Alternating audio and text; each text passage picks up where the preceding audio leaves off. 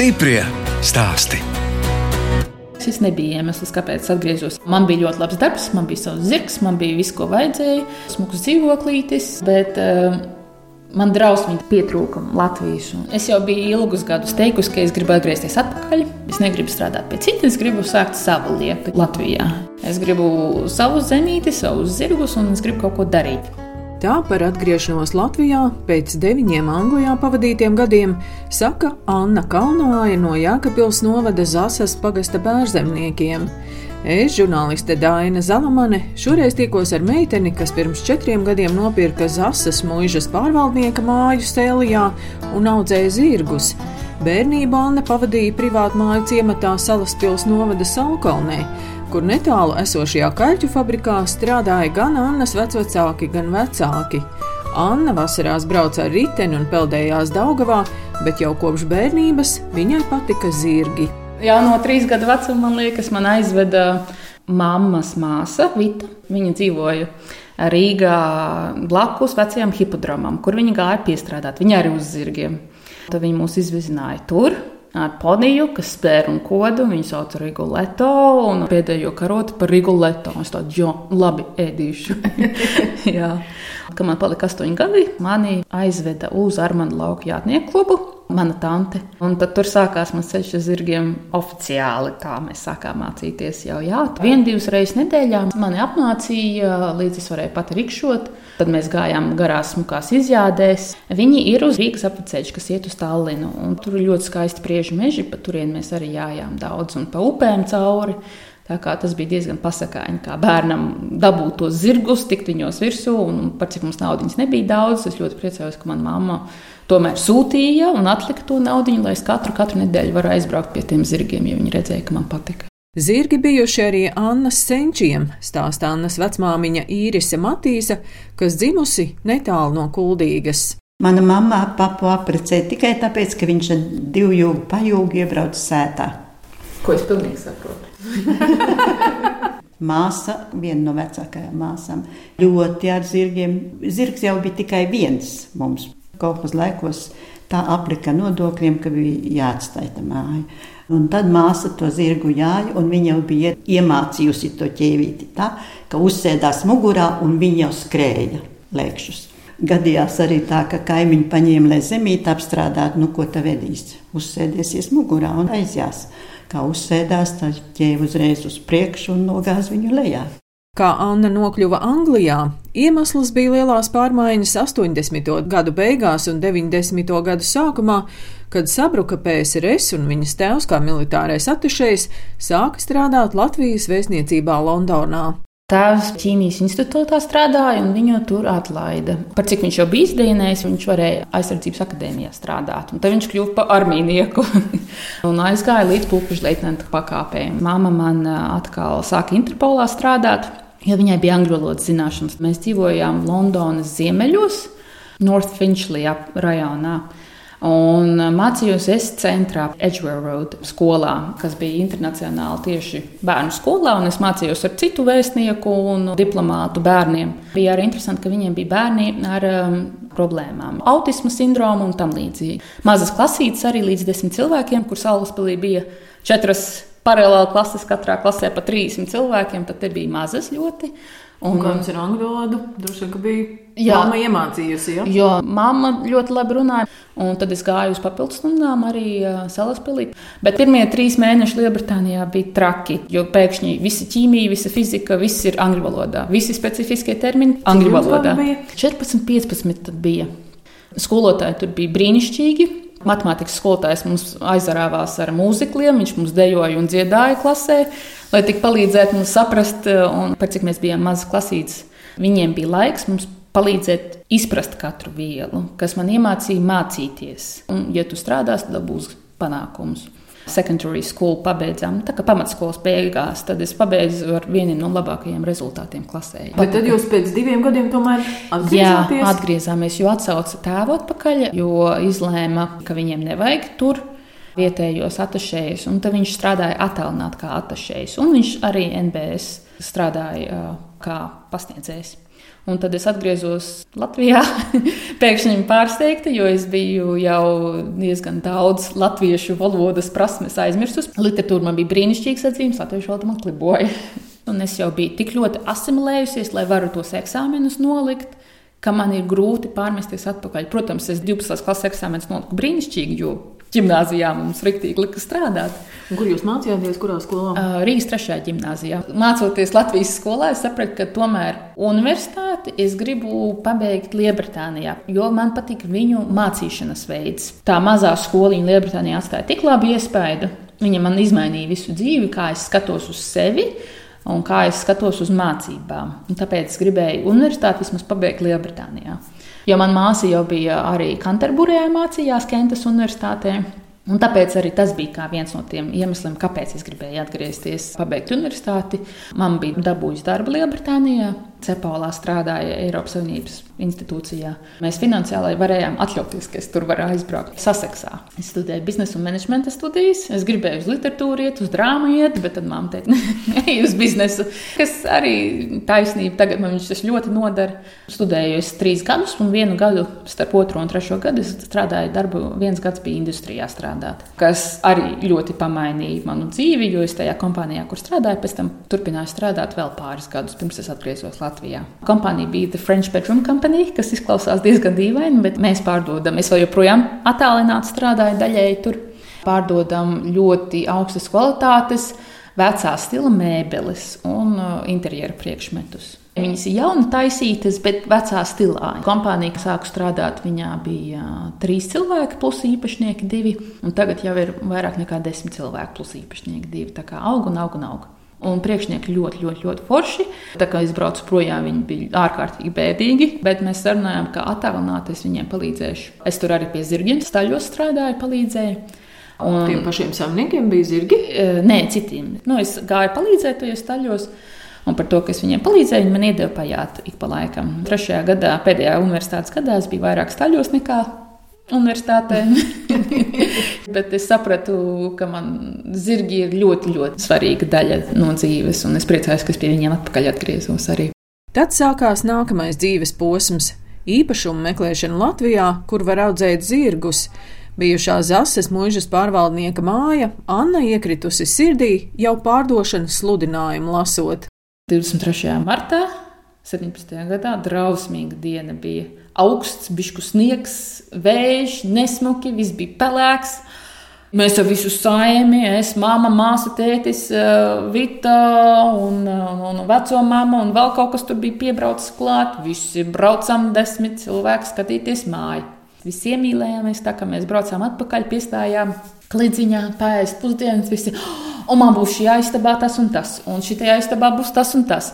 Un tur es taisīšu šo un to. Es tādu, nu, skaidrs, vienu pati es te nebūšu. Cik ir kvadrātmetri? Kopā mājā, man liekas, 460 kvadrātmetri ir.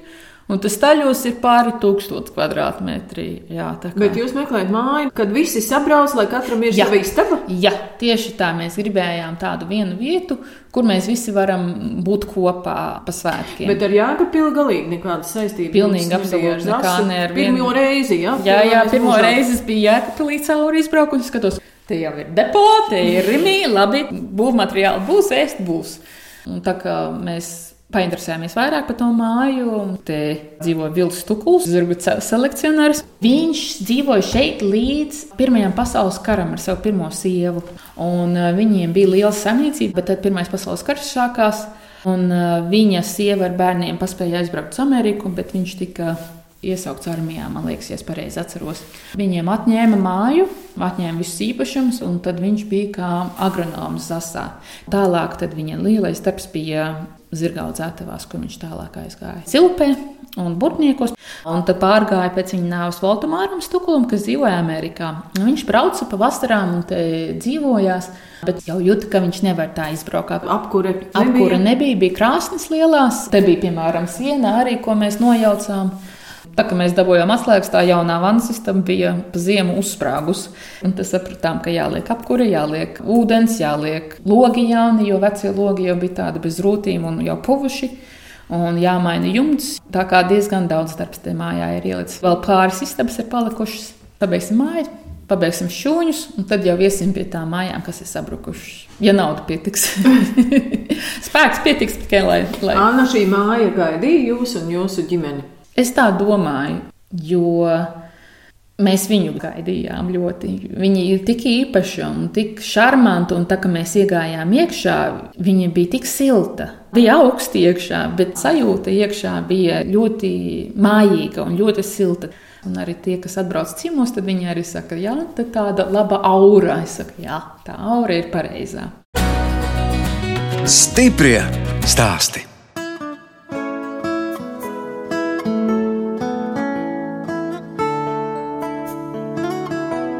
Jūs klausāties redzējuma stipri stāstī. Šoreiz ciemojos pie Annas Kalnājas, Jēkabpils novada Zasas pagasta bērzemniekos. Anna pirms četriem gadiem no Anglijas atbrauca ar diviem zirgiem, bet tagad, ieskaitot kumeļu un poniju, viņai ir deviņi zirgi. Zasas mūžas pārvaldnieka māja ar kolonnām un vairākiem balkoniem atrodas blakus mūžas parkam, kur ir daudz vecu un lielu koku. Māja ir Zasas centrā, bet vienlaikus nomaļus, norobežota ar lielu laukakmeņu žogu. Pa ceļam uz zirgu aplokiem vēl apskatām mazdārziņu. Mēs audzējam pašus savus kartupeļus. Nu, šogad pirmo reizi burkānus, zogas, puķes, un puķis, jā, un puķis, un rudens puķis. puķes, jā. Jā, Un ogļu krūmiņi. Tie jau gan laikam no iepriekšējiem saimniekiem. Tie no iepriekšējiem saimniekiem, jā. Pa pašu malu mēs krūmu mēlēnus esam sastādījuši. Un daudz, daudz zemenes. Man ļoti garšo zemenes un zemeņu zapte. un tāpēc man viņa arī audzē. Un tagad dodamies uz staļiem. Uz staļiem, jā. Staļi mums ir uh, ielikti vecajās klētīs, kas ir mūžas klētis. un Kādreiz tur bija govis, kraudi un viss kaut kas tāds. Vecie oriģinālie staļi ir nobrukuši, bet mēs iekārtojām vienu daļu, kas tuvāk mājai pa staļiem. Un tos mēs izmantojam ziemā, pārsvarā, vasarā, kad ir dunduri. Tā, te jums ir aploks, kur var arī mācīties lekt pāri šķēršļiem. Jā, galvenokārt ar zirgiem strādājam mazā tipa turismā, kas ir nu, pārsvarā ģimenes līdz desmit cilvēkiem.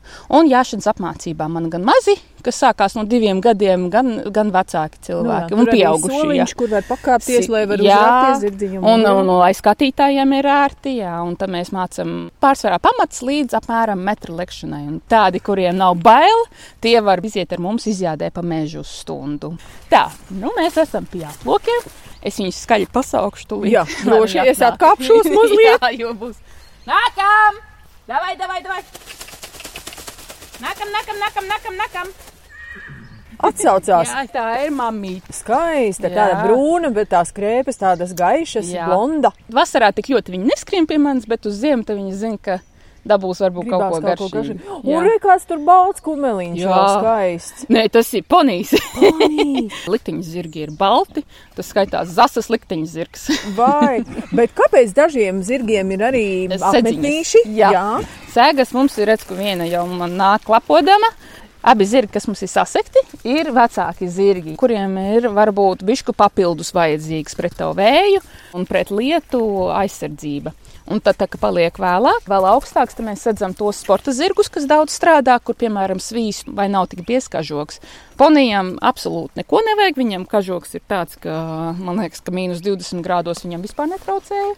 Šitas pēc ārdeņa izskatās. Jā, es pareizi jā, saku, jā. tā ir pareizi. Viņa ir polijas ardene ar polijas ardeņu kumeļu. Nu, tas tāds darba zirgs. Darba zirgs. Tas ir oriģinālais traktors, kā mēs sakām. Par cik man vecāki polijā dzīvo, un viņiem bija labi kontakti tur, un zirgi tur ir labas kvalitātes un salīdzinoši lētāki. Tad uh, aizbraucām mēs februārī uz uh, Poliju un atvedām viņu mājās. Viņa jau bija grūsna ar uh, viņu vezumnieku ērseli, un tad jūnija. Ar tāds mazs sardenīts Jā, piedzimis. mazs sardinīts Bet tā piedzimis. kā mammai ir taisnība balta pierīte. Precīzi, jā, tādas kopijas mēs vēlāk viņas bišķi paaugsies, ieliksim divu gābas divas. Tad varēs pa zasu izbraukt ar ratiem kārtīgi. Piebrojat ar sienu, jā, bet Jā. kas jums tur tādas tā kā koka kastes uztaisītas? Jā, ja nav barotavās, tad viņi to sienu izkārta pa visu zemi. Daudz, daudz, daudz siena aiziet vienkārši zudumā. Kastes mums palīdz vieglāk noturēt, bet mēs skatāmies vēl tīklus nopirkt speciāli, kur ruļus var ielikt iekšā, lai viņiem ir ilgāk ko padarīt. Jo tā zirgs ēd 10 līdz 16 stundas dienā un pa bišķiņa. Bet tagad ir labi, ka mums bišķi vēl zāle palikusi, te viņi bišķi pāēd sienu. Pabrojās, iet meklēt vēl kaut ko pa zālīti, ko var atrast vēl. Izstāstiet, kāpēc jūs zirdziņiem dodat rupmaizi? Rupmaize ir veselīgāka nekā baltmaize, jo viņā ir mazāk cukurs un viņa nesaķep zobos tik daudz. Skatāmies pēc zirga. Tur izstāsta, ka vienam tā kā bizītes sapītas. Jā, tas mums ir frīs, tas ir specifisks šķirt. Viņš arī tā kā vezumnieks skaitās, bet bišku smalkāks. Un viņiem ir tipiski ļoti garas krēpes un kļošas, jeb skaras.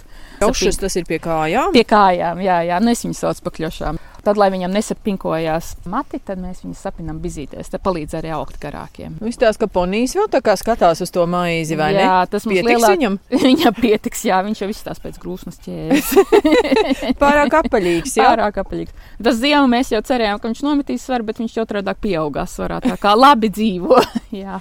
Nu, vislabākais ir burkānus, ābolus, tam līdzīgas lietas. Var bietes tagad ļoti labi atvest viņiem dabīgi. Viņi atārpojas ar sarkanajām bietēm. Vai šis skatiens tāds, nu, ziniet, es tāds maziņš, es labprāt, vai ne, kaut ko vēl mazliet. Mani nebaro. viņš ir kā suns liels. Ies aplokā, viņš to sekos līdzi, pārbaudīs visas kabatas. Varbūt kaut kas garšīgs aizķērās. Šis ponijs tad ir atceļojis no Anglijas. No Anglijas, jā, kopā ar šo lielo rīžo zirgu. Lielais rīžo zirgs ir geogrāfija. Es viņu jau desmit gadus pazīstu. Viņam vajadzēja kompanionu, un man draudzenie spēlēja poniju. Un viņus abus mēs dabūjām pa brīvu, jo ponijam nebija darba. Tagad viņš ir zasas likteņa zirgs, visus mazos bērniņus mums izvizina. Viņš mums arī ratos iet maziņos. Vaicāju Annai, vai zirgi jau nes arī peļņu? Algu es vēl neesmu saņēmusi. es uzturu sevi no papildus darbiņa, kas man ir vēl joprojām Lielbritānijā. Un mēs pagaidām ļoti daudz atstājam pašā uzņēmumā. Tas, kas viss ienāk, tas pārsvarā iet atpakaļ. Zirgi sevi pabaro, inventāru viņi sev nenopērk, to nopērk es. Mēs mēģinām papildināt to pulku, lai mēs varam sākt audzēt zirgus. Kas tad sāks viņus bišku atmaksāt? Tie ārdeņi, nu, tur droši vien ir kaut kāda drusciņa naudiņa nāk arī. Jā, jā, jā, tieši tā. Viena ir Latvijas sporta tipa ķēve, un otra ir tad polijas ardens, ko mēs audzēsim ar Latvijas ardeņiem kopā.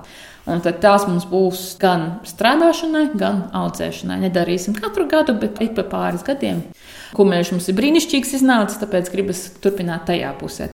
Bijušā Zasas mūžas pārvaldnieka mājā iekārtot arī viesu māja Niks Īris, kurā pagaidām ir divas istabas. Te mums ir lielā rozā istaba. Gulta ar baldahīnu gandrīz, vai ne? Jā. Šī mums tā saucamā jaunlaulāto istaba. Lielu, lielu gultu ar kamīnu, kas laikam no mūžas ir paņemts, un lielu krāsni arī, un smuku pusapaļu logu, kas skatās ārā uz pagalmu un uz zirgiem pēc tam arī. Mēs to mēģinām visu tā interjeru sataisīt tādu vairāk. ā, Jā, jo skapis arī ir Bet ar, bet ar skatu uz bišku modernu pieejaucienu ar tām krāsotām sienām un dažām detaļiņām.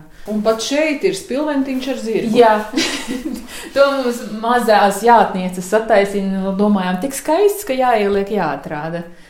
Un tad te blakus mums ir otra istabiņa. Ar divām vienguļamām gultiņām, ar skatu uz vecajiem staļiem un arī uz māju. Te mums tā istaba, kas pusotru gadu vēl remontējās. Kaut kad jau viņi pateiks, un tad te būs arī viesiem istaba. Šī būs zaļā istaba. Mums būs rozā, zilā un zaļa. Vienīgais trūkums, par cik mums tā vecā māja ir, ka mums ir kopīgā tolete visām istabām, bet mēs nekādīgi nevarējām izstūrēt, kā ielikt katrā istabiņā toletes, jo mums tās vecās krāsnes vajag paturēt. Un tad būtu jārauj augšā visas eh, vecās grīdas, ko mēs mēģinām saglabāt tur, kur mēs varam. Turisti ir vairāk vasarā. Vasarā tāpat ir. Un jā. brauc tie, kuriem zirgi patīk. Uh, nē, arī uh, mums ir daudz ģimenes, mums ir daudz cilvēku, kas pa nedēļu, piemēram, biznesa darīšanās vai pasākumiem paliek. Jāparunā par to jaunāko projektu, par ēdināšanas traileri. Jā, jā. Jā, kas tad tas tāds ir? Ēdināšanas trailerītes mēs izdomājām, ka vajag risināt problēmu, ka mums nav cilvēkiem, ko iedot ēst. Uzrakstījām mazu projektu Jēkabils novadam šajā gadā. Ēdināšanas trailerītes, ko var piekrināt pie mašīnas un aizbraukt tur, kur vajag. Dodam zupas, dodam keksiņus, dodam kafiju, tēju un visu tam līdzīgi. Un lielā plānā tas ir manas mammas pensijas plāns. Tā kā viņa ies projām no sava lielā oficiāla darba, tad viņa taisās sēdēt, pārdot kafiju un, un, un runāties ar cilvēkiem.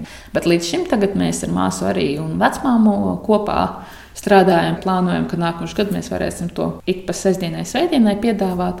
Un kādas zupas jūs vārat? Soļanka mums ir, popiņu zupiņa mums ir garšīga, skābeņu zupiņa un tam līdzīgi. Jā, tad mums pārsvarā liels, liels katls, ko mēs izvēram uz to dienu, tad tā mums tā zupa ir, un māsa mums tāda atbildīgā ir par visu to ēdināšanu, par cik viņai patīk tos keksiņus un kūkus cept tad mēs mēģinām pārliecināt, ka vajag arī kādu hodoku tur iespiest, lai ir vairāk tā izvēle. Tā kā jūs tomēr ilgus gadus pavadījāt Lielbritānijā, atbraucot uz Latviju, vai jums tomēr bija kaut kādi arī pārsteigumi? Piemēram, uzsākt uzņēmumu man esot Lielbritānijā saprast, kā to izdarīt, bija ļoti grūti. Man pagāja kāds pusotrs mēnesis, kamēr es visus papīrus saliku kārtā. Plus es neesmu uz vietas, es nevaru atvērt bankas kontu. Bet tad beigās sapratām, tikām galā.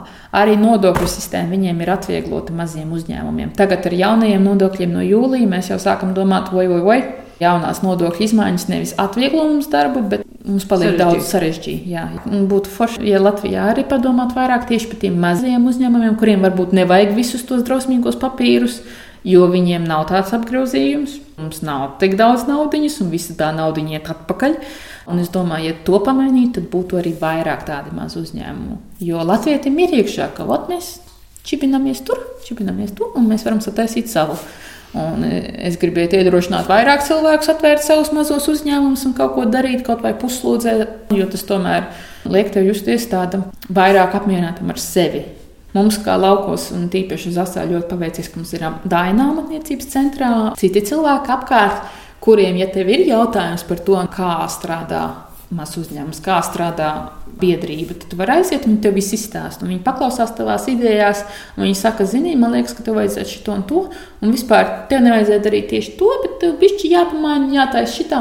Tas tās labais dzīvojot laukos. Vispār man patīk laukos dzīvot.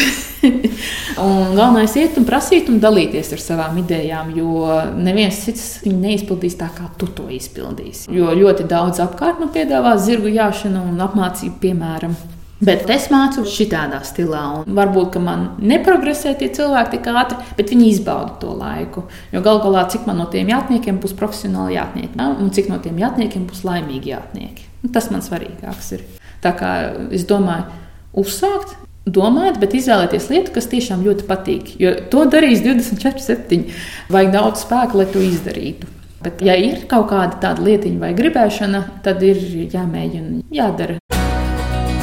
Stiprie stāsti.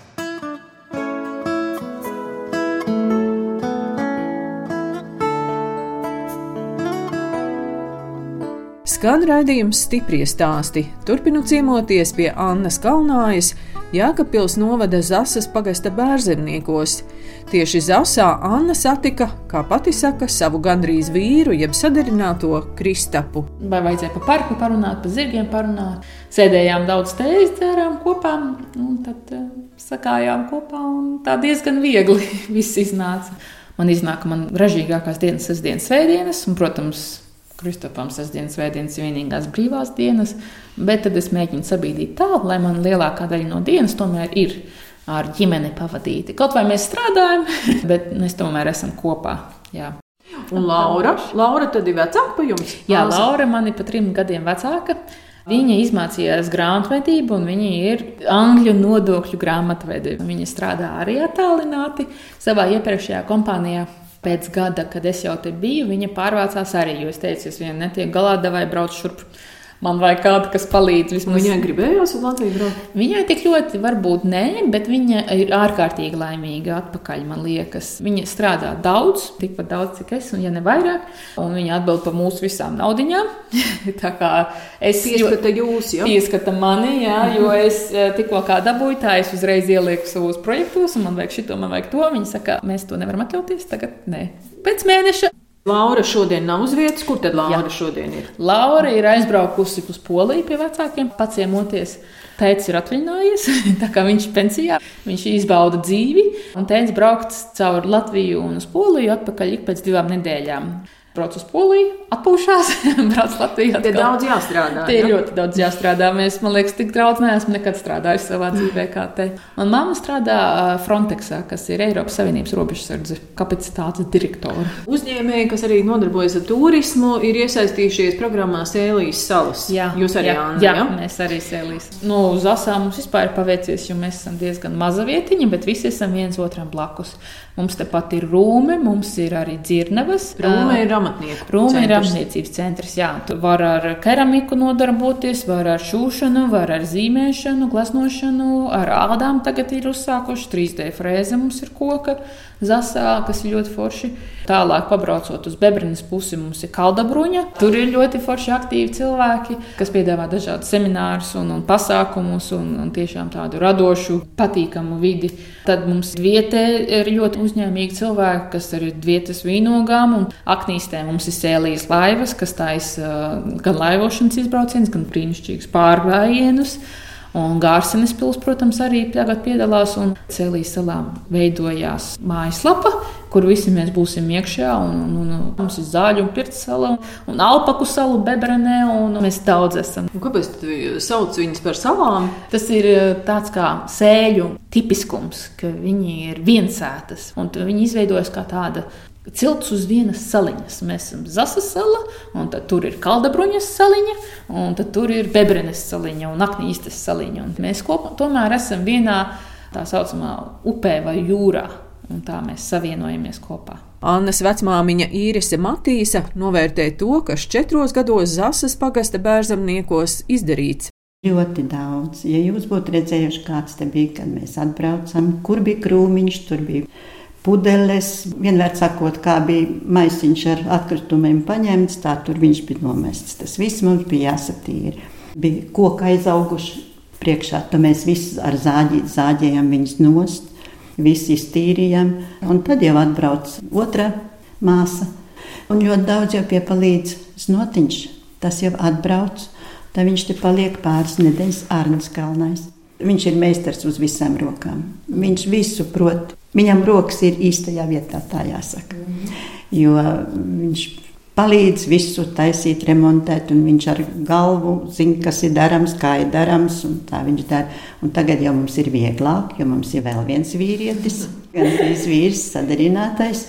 Jā, tā jau par abiem viņi daudz ko var padarīt. Jūs to savus notu slavējāt, bet nu, meita jums ir uzņēmīga. Pēc tam, ko Anna man stāstīja, kādos darbos tik viņa nav strādājusi. Tas ir Abas tas ir. kurzemnieku spīts. Jā, tieši tā.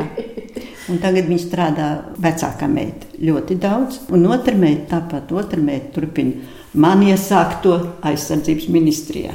Un ko tu jūs aizsardzības ministrijā darījāt? Es gan esmu bijusi jaunākais referents, referents un vecākais referents. Vīrs bija ģenerālis. Nu, viņš vēl nebija ģenerālis, bija pulkvedis, ka mēs aizbraucam uz Ameriku. Un uh, pēc tam, uz- kad bija ģenerālis, aizbraucu uz Maskavu.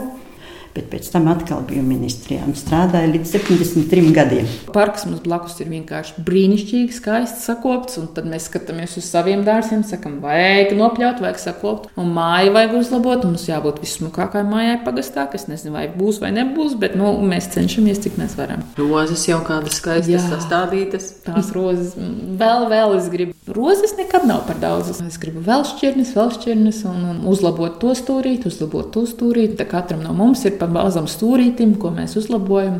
Un tad ir lielie projekti, kas mums ir kopumā, lai visu to īpašumu paceltu. Un tad ir zirgi. No sākuma man tikai patika zirgi, bet nu jau visai ģimenei patīk. Tas man ļoti paveicies, ka man ģimene ir, kas atbalsta un, un ka mēs visi kopā varam strādāt.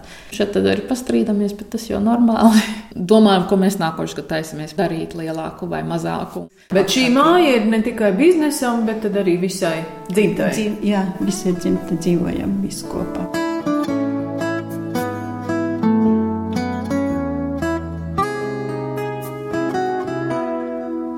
Radījums stipri stāst izskan, un mēs atvadāmies no Annas Kalnājas un viņas vecmāmiņas īrises Matīsas, kas kopā ar visu ģimeni atjauno bijušā Zasas mūžas pārvaldnieka māju un rūpējas par deviņiem zirgiem un viesu namu.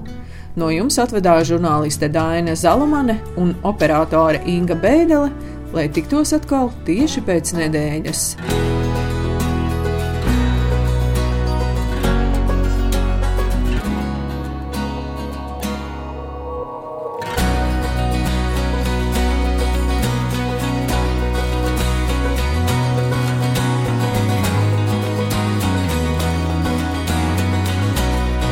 Stiprie stāsti.